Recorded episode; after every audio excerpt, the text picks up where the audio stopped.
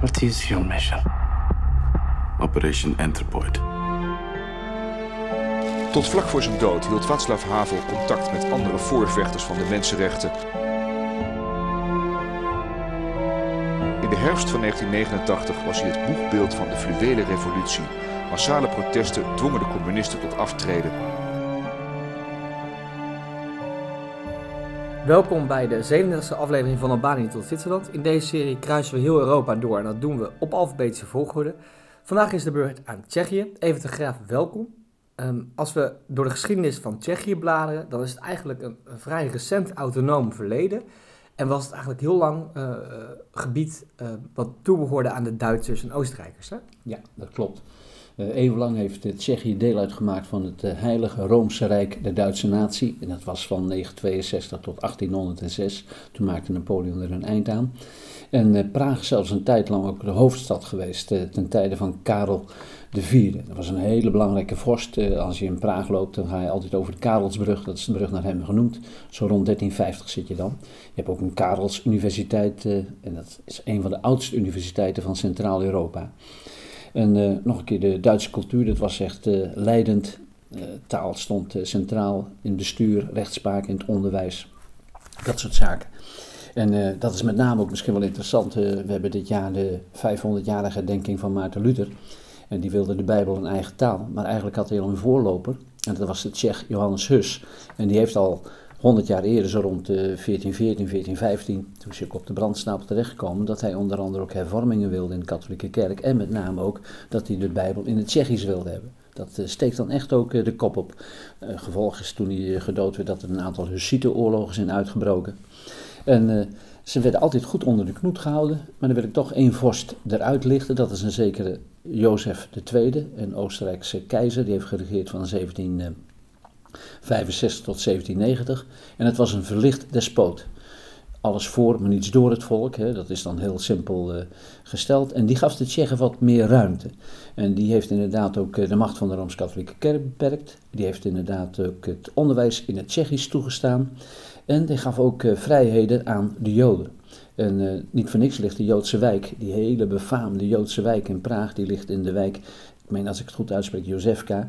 En naar hem genoemd, naar deze Jozef II, die dus een open oog had voor de noden van ja, de Tsjechen, toch ook wel van de Joden. Dat is uh, echt een boeiende periode geweest, maar door de bank genomen altijd uh, hebben ze onder de knoet gezeten van de Duitsers en de Oostenrijkers, uh, de Tsjechen. Ja, en, en, en, die Duitse cultuur, we hebben het al heel vaak over gehad, van, hè, dat, dat werd opgedrongen, dat werd ergens ge, geïmplementeerd in een ander land van nou, jullie moeten ook Duits spreken. Maar in Tsjechië was dat, of in Praag in ieder geval, was dat wel redelijk ver gevorderd. Hè? Onderwijs, cultuur, alles was Duits, toch? Ja, absoluut. Ja. Um, dan maken we een sprongetje naar de 19e eeuw, 1848, de Maartrevolutie. die sloeg ook aan in Tsjechië. Ja, waar ging die revolutie precies om? Ja, dan uh, zie je overal in Europa, heb ik al in andere afleveringen ook over gesproken, dan zie je dat uh, liberalisme de kop opsteken, dat ze eindelijk een keertje af willen van de geweldige macht en invloed van de kerk en van de adel. Dat gebeurde bijna alle landen, in Nederland is het vrij geruisloos verlopen, maar ook in uh, Tsjechië heeft dat echt grote impact gehad. En daar wilde men inderdaad ook meer vrijheden voor de eigen taal ook weer en ook vrijheid van vereniging en vergadering. al die klassieke vrijheden die we kennen in de grondwet ook van Nederland en andere grondwetten, die werden ook opgeëist grens in Tsjechië. En, was het dan uh, uh, door, de, door, het Tsjechische deel van de bevolking, is daar nog het nationalisme van de Tsjechen ontstaan, om het zo te noemen? Ja, met name bij de elite natuurlijk, ook die uh, echt gestudeerd hadden. En er is toen ook in maart 1848 is er een Slavisch congres geweest in Praag. En daar kwamen dus de nationalisten bij elkaar. En dat is eigenlijk uitgemond toen ze dat echt ja, luidruchtig gingen eisen in de maatrevolutie. En ik moet eerlijk zeggen, dat werd ook weer natuurlijk bloedig kop ingedrukt uh, door de Duitse Oostenrijkers uh, die de macht daar hadden. En die wilden absoluut niet dat Tsjechië kon streven naar autonomie. Dat wilden ze niet hebben, want dan zou dat natuurlijk het begin van het einde zijn van dat grote ja, rijk monarchie. Die zou dan het eenvallen. Dat wilden ze ja. absoluut niet. En de, de Maartrevolutie, dan gaan we naar de volgende periode. De Pinksteropstand, de Praagse Pinksteropstand. Is dat een gevolg van die Maartrevolutie? Ja, kun je rustig stellen. Dat is gewoon echt een logisch gevolg. In hetzelfde jaar, 1848 uh, naar aanleiding van het Pan-Slavisch congres in, Praag, dat uh, de nationalistische Tsjechen echt volmondig autonomie eisten. En uh, toen werd daar natuurlijk weer de troep op afgestuurd. Dat zie je dan altijd natuurlijk door de machthebbers. In dit geval van een zekere Oostenrijker Alfred Zuwindis Graz. En die sloeg deze opstand zeer bloedig neer. En uh, ze wilden gewoon die Duits-Oostenrijkers absoluut niet toegeven aan de eisen. En die wilden gewoon dat centralistische, dat het vanuit één punt, of Wenen of Praag, het Rijk werd aangestuurd. En dat het echt Duitsstalig moest zijn, ook in de rechtspraak en het onderwijs. Er kon absoluut geen enkele hervormingen plaatsvinden. Ja, achteraf is natuurlijk altijd mooi wonen, maar um, uh, dit was natuurlijk ook niet zo, dat, dat lijkt altijd aan het einde van de geschiedenis, dat er een één nationalistische beweging was die allemaal exact hetzelfde dachten en maar één doel voor ogen had, onafhankelijk Tsjechië. Maar dat was helemaal niet het geval, toch? Nee, ook daar heb je, je ziet het nu met Catalonië ook weer, er zijn toch ook uh, andere meningen. En ook daar in Tsjechië had je de jong-Tsjechen staan tegenover de oud-Tsjechen. En uh, ja, kun je verwachten, de jong-Tsjechen die waren radicaal en de oud-Tsjechen die waren gematigd, zeer conservatief. En die vonden het vormen van een eigen staat veel te ver gaan. In tegenstelling tot die uh, jongere Tsjechen die gewoon echt de onafhankelijkheid eisten. En uh, absoluut niet meer onder de knoet van de Oostenrijkers en de Duitsers wilden zitten. En dat heeft ook uh, ja, geleid tot verdeeldheid, waarvan natuurlijk de machthebbers weer uitermate goed gebruik maakten. Verdeel- en eerstpolitiek, die luid tegen elkaar uitspelen. Uiteindelijk ja, is het natuurlijk op niets uitgelopen, dat nationalisme toen. Ja, die jong Tsjechen, is het ook, een, was het ook een, een, referentie naar de leeftijd? Ik kan me zo voorstellen van wel, want de ouders zijn vaak conservatiever. En de jonger, daar moet het van komen in een revolutie, toch? Klopt, ja. ja. Ja, dat heb je in veel landen, ook in Turkije, daar komen we ook nog op, heb je de jong Turken gehad. Dat zijn mensen die dan ook vaak gestudeerd hadden in tegenstelling tot anderen. En dan openstaan voor uh, allerlei dingen die ze oppikken in het uh, onderwijs en universitaire studies. En dat ook willen implementeren in hun eigen land. En die nog enige idealen hebben. Ja. ja. Dan breekt de Eerste Wereldoorlog uit. Nou, als we de kaart van Europa erbij pakken, is dat echt een periode, een, soort van geboortegolf voor veel kleine landen. En dus ook voor Tsjechië, denk ik, hè? Ja. Uh, zoals je weet, in de Eerste Wereldoorlog uh, vocht uh, Oostenrijk-Hongarije, waar de Tsjechen toe behoorden, die vocht aan de kant van de centrale tegen de geallieerden. En je ziet dan dat ze dus de oorlog gaan verliezen op het eind. Dat de nederlaag van de centrale zich aandient, hè, 1917, 1918. En dan zie je ook dat het gevolg daarvan is dat een heleboel van die vorstenhuizen in elkaar duvelen. Hè. Dan komt in 1918 het huis van de Habsburgers ten val. Dan had je tot 1916 Frans Jozef, maar die was al toen overleden. En had je keizer Karel van de Habsburgers, die werd afgezet. De Hohenzollern, Willem II, die moest uitwijken naar Nederland. De Romanovs, eh, Nicolaas II werd vermoord. En dan zie je dat een aantal Tsjechische soldaten die gediend hadden uh, in het uh, leger dus van Oostenrijk-Hongarije. En die waren gevangen genomen en die waren dus uh, in Rusland, hadden ze echt gevangen gezeten. En die hebben toen een eigen legertje gesticht. En die sticht ook meteen een Tsjechoslowaakse beweging. En uh, daar kwamen een paar hele knappe koppen, die kwamen erbij. Echt helder geworden in de Tsjechische geschiedenis. En Thomas Masaryk en een Edvard Benes. En dat zijn nog een keer helden. En die hebben toen van alles eraan gedaan om toen van die chaos die er heerste natuurlijk in Europa gebruik te maken om een eigen staat te stichten. En ze kregen voet aan de grond ook bij de besprekingen, die vredesbespreking in Parijs, met name in Saint-Germain, waar het lot van uh, Oostenrijk-Hongarije bezegeld werd. En toen hebben de grote mogelijkheden ingestemd, met name president Wilson, een Amerikaan, had daar met zijn 14 puntenplan een hele grote inbreng in. Het zelfbeschikkingsrecht der naties. En de Tsjechen en de Slowaken hadden recht op een eigen staat, werd toen goed gevonden door de grote mogelijkheden. En ja. dat is toen ontstaan in 1919. Nou, als Spanje de oorlog had verloren uh, en, en Catalonië had zich toen onafhankelijk kunnen willen verklaren, was dat een periode geweest, ja, hè? Als, ik, als ik zo goed begrijp. Uh, maar dan, we gaan toch nog even terug naar Tsjechië, want dan ontstaat voor het eerst Tsjechoslowakije. Ja, een multiculturele samenleving zouden we nu zeggen, hè? inclusief 28% Duitsers. Ja, uh, misschien wel goed om dat uh, inderdaad in beeld te brengen. De Tsjechen uh, van die staat die vormden de meerderheid, 46%. De Slowaken maar 13%. Maar van de Duitsers, en die worden dan altijd Sudetenduits genoemd, die vormden inderdaad 28% uit van de bevolking. Dan zaten er nog 8% Hongaren in het Rijk, Routenen, een stam waar bijna nooit iemand van gehoord heeft, 3%.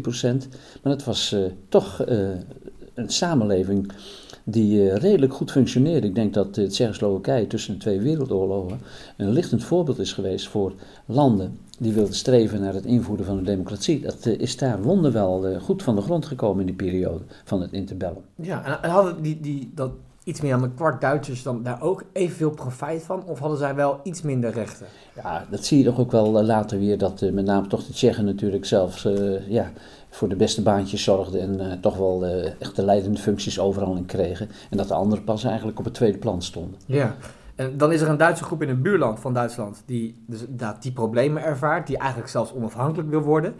Ja, ik kan me voorstellen dat de man met een heel klein snorretje dat maar al te graag uh, zag gebeuren. Ja, en uh, Hitler, die, toen hij aan de macht kwam in 1933 op 30 januari, die had allerlei leuzen, hebben we al eerder verteld. Alle Germanen heim ins Reich, Lebensraum, drang naar Osten en een kruistocht tegen de communisten. En uh, hij wilde ook met name dus dat de Sudeten-Duitsers, een aanzienlijke bevolkingsgroep, dat die ook inderdaad weer terugkwam in het Duitse Rijk. Maar ook bij de, Slowakij, uh, bij de Slowaken bestond er toch wel uh, ook wrevel over de achterstelling die ze ondervonden bij de Tsjechen.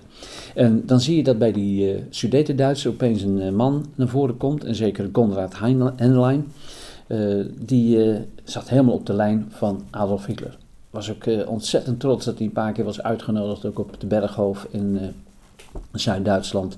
En dat hij daar dus de politieke gang van zaken ook uh, kon bespreken met, met Hitler. En uh, hij deed gewoon, werkelijk was een marionet. Hij deed precies wat uh, Hitler hem oplegde. En ja, met name ook kreeg hij veel aanhang omdat je toen de wereldwijde economische crisis had van 1929, die leidde tot grote werkloosheid in veel staten, ook in Tsjechoslowakije. En Hitler en Henlein, die beloofden ja, voor elk wat wils, uh, dat ze zouden zorgen voor werk en dat ze voor een uh, sterk land en voor een groot leger en al dat soort dingen, dat sprak de mensen aan. Ja. En die kreeg wat dat betreft behoorlijk wat invloed, die Konrad Henlein. En die Henlein die wilde natuurlijk heel graag samen met werken met Hitler in een vergevoerd stadium. En dan is er de conferentie van München. Um, achteraf toch eigenlijk onvoorstelbaar waar bijvoorbeeld uh, Engeland toen mee akkoord is gegaan. Hè? Ja, uh, het was echt een grote crisis in Europa. Vanwege dus uh, de eisen die Hitler stelde. Hij was een agressor en wilde gewoon dus allerlei ja, gebieden eigenlijk inlijven. En ook de Sudeten toevoegen tot Duitsland. En toen dreigde er een oorlog. En wie heeft zich toen opgeworpen als een soort vredestichter? Dat weet bijna niemand, maar dat is dan Mussolini geweest. En toen heeft hij gezegd, ik wil wel optreden als vredesbemiddelaar. En toen heeft hij gezegd, oké, maar dan wordt die vergadering gehouden in München. En er zijn inderdaad de, eh, de, twee grote leiders van de westerse landen, van Engeland en Frankrijk, die zijn erin meegegaan. In Engeland uh, was toen aan de macht een conservatief Neville Chamberlain. En in Frankrijk een zekere Daladier. En die werden dus uitgenodigd op die conferentie die geweest is een week lang van 23 september tot 30 september 1938 in München. Opvallend feit, één wereldleider werd niet uitgenodigd. En dat was Stalin. Die wilden ze er niet bij hebben. En uh, nou ja, daar is dus uh, heel keihard onderhandeld. En uh, met name kreeg toen echt Hitler in alles zijn zin. En dat heeft alles te maken met die befaamde, beruchte politiek van Neville Chamberlain, de appeasement-politiek. Steeds maar toegeven aan de eisen van de agressor om zo de vrede af te kopen. En toen ze inderdaad uiteindelijk het akkoord ondertekend hadden en Sudetenland dus opgeëist werd en in handen viel van eh, de Duitsers, kwam hij terug met uh, vliegtuigen in Engeland en had hij papiertjes in zijn hand toen hij van de vliegtuigtrappen kwam aflopen. I bring you peace for our time. En hij kreeg werkelijk uit de hele wereld kreeg hij cadeaus. En een leuk feitje, hij kreeg onder andere 60 eieren ook uit, uh, uit Barneveld en nog Hollandse bloembollen, omdat hij de wereldvrede had gered. Ja. Maar dat bleek inderdaad een, uh, ja, een luchtkasteel te zijn. Een luchtkasteel te zijn. Uh, dan moeten we het natuurlijk ook even, even hebben over Emil Haga. Volgens Wikipedia een van de meest tragische figuren uit Tsjechische geschiedenis. Ik heb hem ook even ingelezen, maar het is ook wel heel tragisch. Maar wat maakt hem nou zo'n ja, ja, bijzonder of apart figuur? Op zich was het een man, die heeft geleefd van 1872 tot 1945. Uh, hij was jurist en hij was uh, president van het Hooggerechtshof. En hij was een geleerde man. Hij werd de derde president van Tsjechoslowakije. En uh, toen ze dus inderdaad net die conferentie in München hadden gehad, en die Benes die ik al eerder genoemd heb, die uh, zag in dat zijn positie ging wankelen en dat hij inderdaad misschien wel een handen zou kunnen vallen van de nazi's, die is razendsnel uitgeweken naar Londen en die stichtte daar een regering in ballingschap, wat later de Nederlandse regering ook deed in mei 1940. En toen moest er natuurlijk een opvolger komen en dat was Hartja. Die was toen, of Haga, maar ik heb ook wel eens een keer gehoord in Tsjechië dat hij als Hartja wordt uitgesproken, 66 jaar. En, uh, maar die werd van, werkelijk van alle kanten werd hij aangevallen. Hij deed in de ogen van niemand deed hij het goed. Van de nazi's niet en ook van de Tsjechen niet. Hij zat echt tussen hamer en aanbeeld. En hij had ook nog eens een keer uh, last van een slechte gezondheid. En dat is echt uh, treffend om te vertellen. Hij werd een keer uitgenodigd, ook weer in Berlijn, in Hotel Adlon. Dat is echt een begrip geweest in die periode tussen de Eerste en Tweede Wereldoorlog. Een wereldberoemd hotel waar allerlei filmsterren, politici logeerden. En dan werd hij in eerste instantie netjes ontvangen. Maar er is hij werkelijk uitgekafferd, geschoffeerd door Hitler, door Geuring. Geuring die gewoon tegen hem zei, en als je niet toegeeft, dan gaan we echt uh, Praag bombarderen. Net als, verwees hij naar wat er gebeurde in Guernica in de Spaanse burgeroorlog in 1937. En uh, ja, toen noodgedwongen werd hij zo onder druk gezet. Uh, gaan geruchten dat hij zelfs klappen kreeg. Of dat waar is, dat weet ik niet. Maar dat hij toen zo geïntimideerd werd en dat hij toen heeft toegegeven. En hij werd eigenlijk een marionet, ook weer in de handen van, uh, van Hitler. Hij is daarbij zelfs, zelfs flauw gevallen, hè? Dat... Ja, dat ze bang waren dat ja. hij inderdaad door hun toedoen uh, eigenlijk uh, was overleden. En dat was natuurlijk een enorme diplomatieke rel geweest. Maar hij ja, knapte toch iets op. Maar heeft altijd een zwakke gezondheid gehad.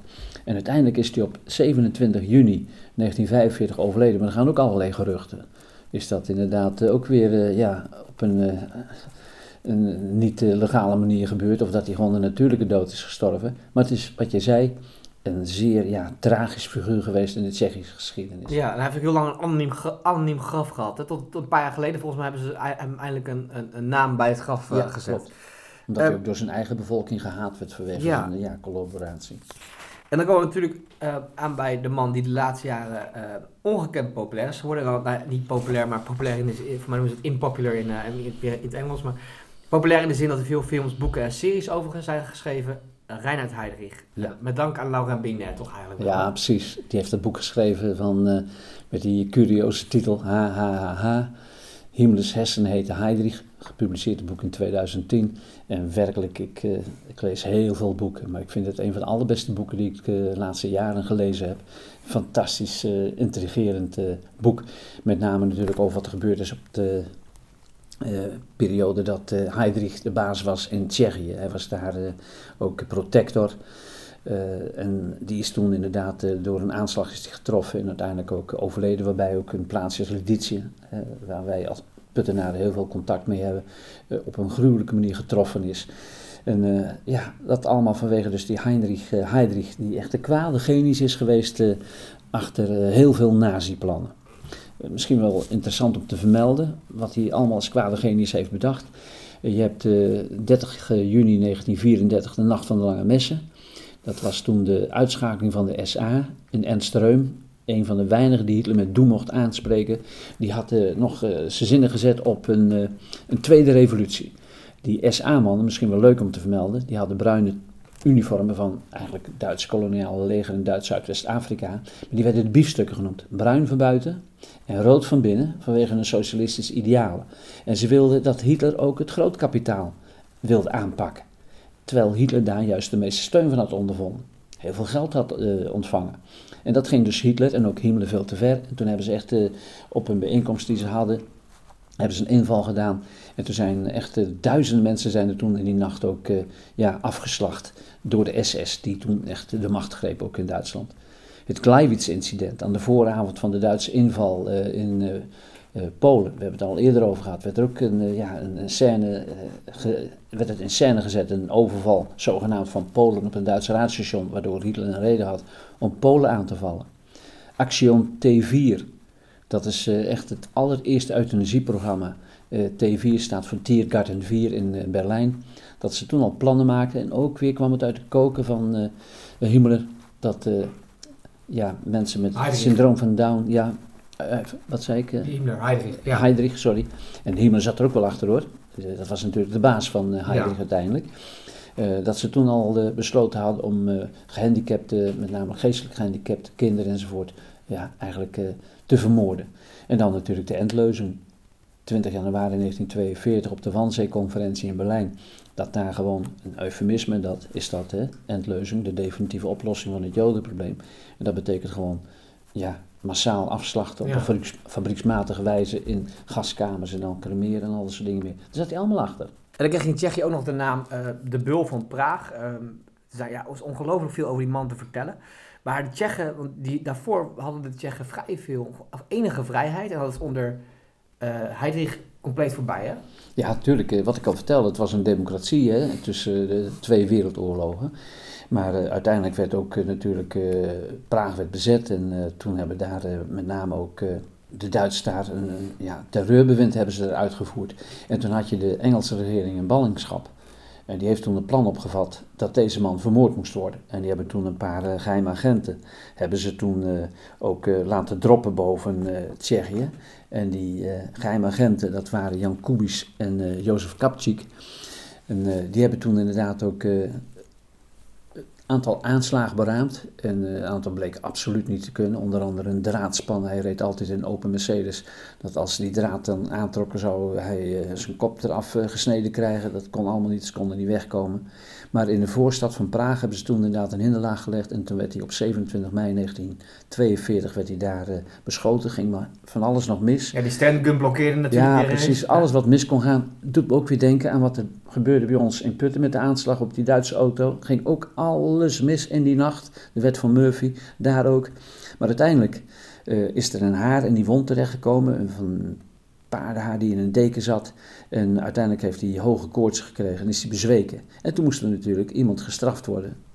Moest er een dorp gestraft worden. Dat kon niet Praag zijn, miljoenenstad. Maar dat is toen uh, met name dus Lidice geworden. En met name zijn toen al die uh, mannen die betrokken waren bij uh, die aanslag... die zijn uiteindelijk door verraad van een zekere Karel Tjurda... die echt belust was. Hij had trouwplannen en er was een beloning van 10 miljoen kronen uitgeloofd... En die heeft toen inderdaad zijn makkers uh, heeft hij eigenlijk aangegeven.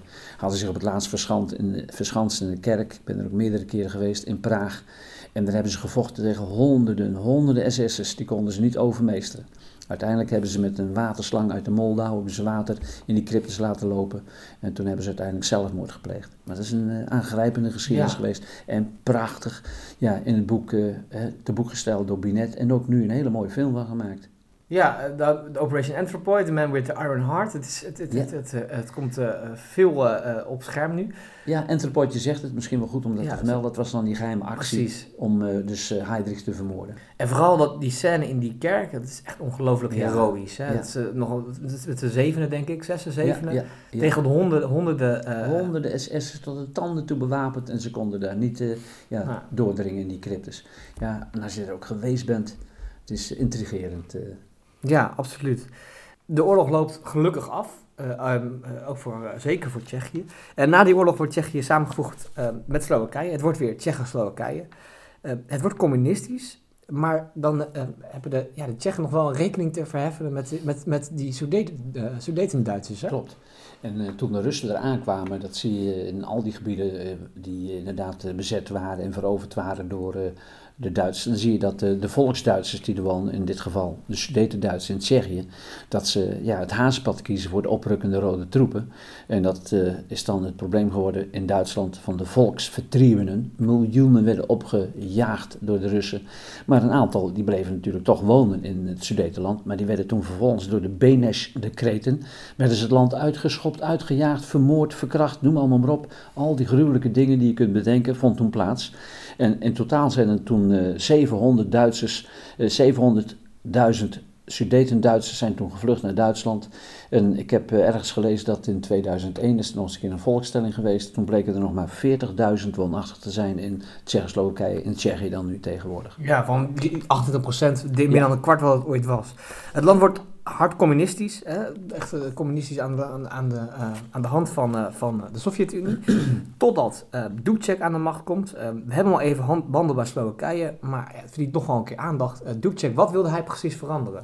Ja, hij was toch een overtuigd communist. Hij heeft geleefd van 1921 tot en met 1992. En hij was ja, toch een voorstander van veranderingen ik heb hem wel eens een keertje vergeleken ook uh, met uh, onze vriend uh, Gorbachev, die ook in Rusland allerlei hervormingen wilde, maar niet het communisme wilde afschaffen. En zo'n man was eigenlijk Alexander Dubček ook. hij wilde communisme met een menselijk gezicht. En dat wordt ook wel eens een keer de Praagse lente wordt het genoemd. allerlei hervormingen wilde hij doorvoeren, minder censuur, een scheiding tussen de politie en de geheime diensten. Want die geheime diensten daarin ook hadden een, een hele kwalijke rol gespeeld bij vele arrestaties. Gelijkstelling van andere partijen met de communistische partij. En uh, ook uh, meer nadruk op de consumptieindustrie. En er gingen zelfs geruchten dat hij misschien wel uit het wasjepak wilde stappen. Nou, dat ging natuurlijk Brezhnev veel te ver. Starre communistische partijleider in het Kremlin. En die had toen een Brezhnev-doctrine uitgevaardigd dat als een land dreigt uit het Warschau-pact te stappen en niet langer communistisch te zijn, dan heeft de Sovjet-Unie het recht om een inval te doen. En dat is toen ook gebeurd in 1961, in, uh, 1968, sorry. 1968 in uh, Tsjechoslowakije. Ja, en dat is wel echt een tragedie in het land. Hè? Ook weer zo'n populair figuur die, daar, um, uh, ja, die dat niet overleeft. Ja, en dan krijg je dus die inval op uh, 20, 21 augustus 1968. Ik weet het nog heel goed dat het opeens ook uh, hier doordrong in, in Nederland. En toen kwam er dus een Russische invasie. We hebben het, meen ik, ook al eens een keer eerder over gehad. Heel opvallend. het Wasjepact, dat stuurde daar troepen naartoe. Russen, DDR-soldaten, Polen, Hongarije, Hongarije deed mee, Bulgaren, die waren er ook, maar geen Roemenen. Ceausescu was de enige die zich toen inderdaad niet solidair verklaarde met de rest van het Warschau-pact. En daardoor werd hij toen ook nog een tijdje lang populair in het Westen. Heel veel Tsjechen werden toen gearresteerd en ja, je kreeg toen dus de Russische bezetting van het land. En toen was er een jonge student, Jan Palach, en uh, die vond het verschrikkelijk wat er allemaal gebeurde. En die heeft toen, en dat had je toen Misschien kun je dat herinneren, alhoewel je bent nog zo jong, dat uh, zou je niet kunnen herinneren. Toen had je met de Vietnamoorlog had je van die boeddhistische priesters die ook vervolgd werden door het uh, regime daar in Zuid-Vietnam. En die gingen dan midden op een druk kruispunt zitten, overgoten ze met benzine en staken zich in brand. En dat deed hij Jan Pallag ook op het Wenceslasplein. Dat deed hij op uh, 16 januari 1969. En ik ben er meerdere keren geweest en jarenlang stonden er nog altijd ook kruisjes en herinneringsbijdragen ja, en geschrift ook om deze jongeman, om die te gedenken. Dat ja. is echt een hele ja, trieste affaire geweest en het was ook meteen het einde van de Praagse lente. Dubček die werd afgezet en de communisten kregen daar echt uh, een tijd lang uh, onder leiding van Husak ook in uh, Tsjechoslowakije de macht. Na de periode Dubček gaat het communisme dus weer echt op de, op de oude voet door. Um, en dan komt toch wel een andere grote Tsjech op de proppen. dat gebeurde in de nadagen van het communisme en dat, dat is natuurlijk Vaclav Havel. Um, die periode is de fluwele revolutie gaan noemen. Ja, de naam alleen is, al, is natuurlijk al prachtig. Hè? Ja, ja, prachtig. Ja, ja. maar wat, wat wilde Havel en, en, en wat, wat wilde hij met die fluwele revolutie bereiken? Hij was een uh, Tsjechische toneelschrijver, ook uh, romanschrijver. Hij was dissident, werd politicus. Hij is de laatste premier van Tsjechoslowakije geworden en de eerste van Tsjechië. Maar hij heeft het meegemaakt dat toen hij een jaar of twaalf was, dat Tsjechië, Tsjechoslowakije communistisch werd. En hij stamde uit een rijk bourgeoisie gezin met veel aandacht voor kunst en cultuur. Dat vonden ze verschrikkelijk, zijn ouders en hij ook. Dat kreeg hij met de paplepel ingegoten. Dat ze geen vrijheid meer hadden en dat ze geknecht werden door die barbaarse communisten. En uh, hij ging, uh, toen hij een jaar of, uh, nou, begin twintig was, ging hij steeds meer ook schrijven, toneelstukken. En die waren vrij modern en heel progressief. En toen kreeg hij een publicatieverbod opgelegd. Zijn paspoort werd ingetrokken, zodat hij dus niet meer naar het buitenland kon reizen. Heeft in die periode van 20 jaar van 1969 tot en met 1989 heeft hij drie keer in de gevangenis gezeten, na zware verhoren. En dan komt hij weer vrij en dan richt hij ook op een hele bekende beweging, Garta 77, die vooral de nadruk legde op de mensenrechten. En daardoor werd hij heel populair, ook in uh, West-Europa en ook in Amerika. En dan zie je in de nadagen van het communisme, eind jaren 80, dat uh, hij het burgerforum opricht. En dat uh, wilde inderdaad ook uh, allerlei vrijheden en allerlei klassieke rechten moesten opgenomen worden in de grondwet. En dat wordt dan de fluwele revolutie genoemd.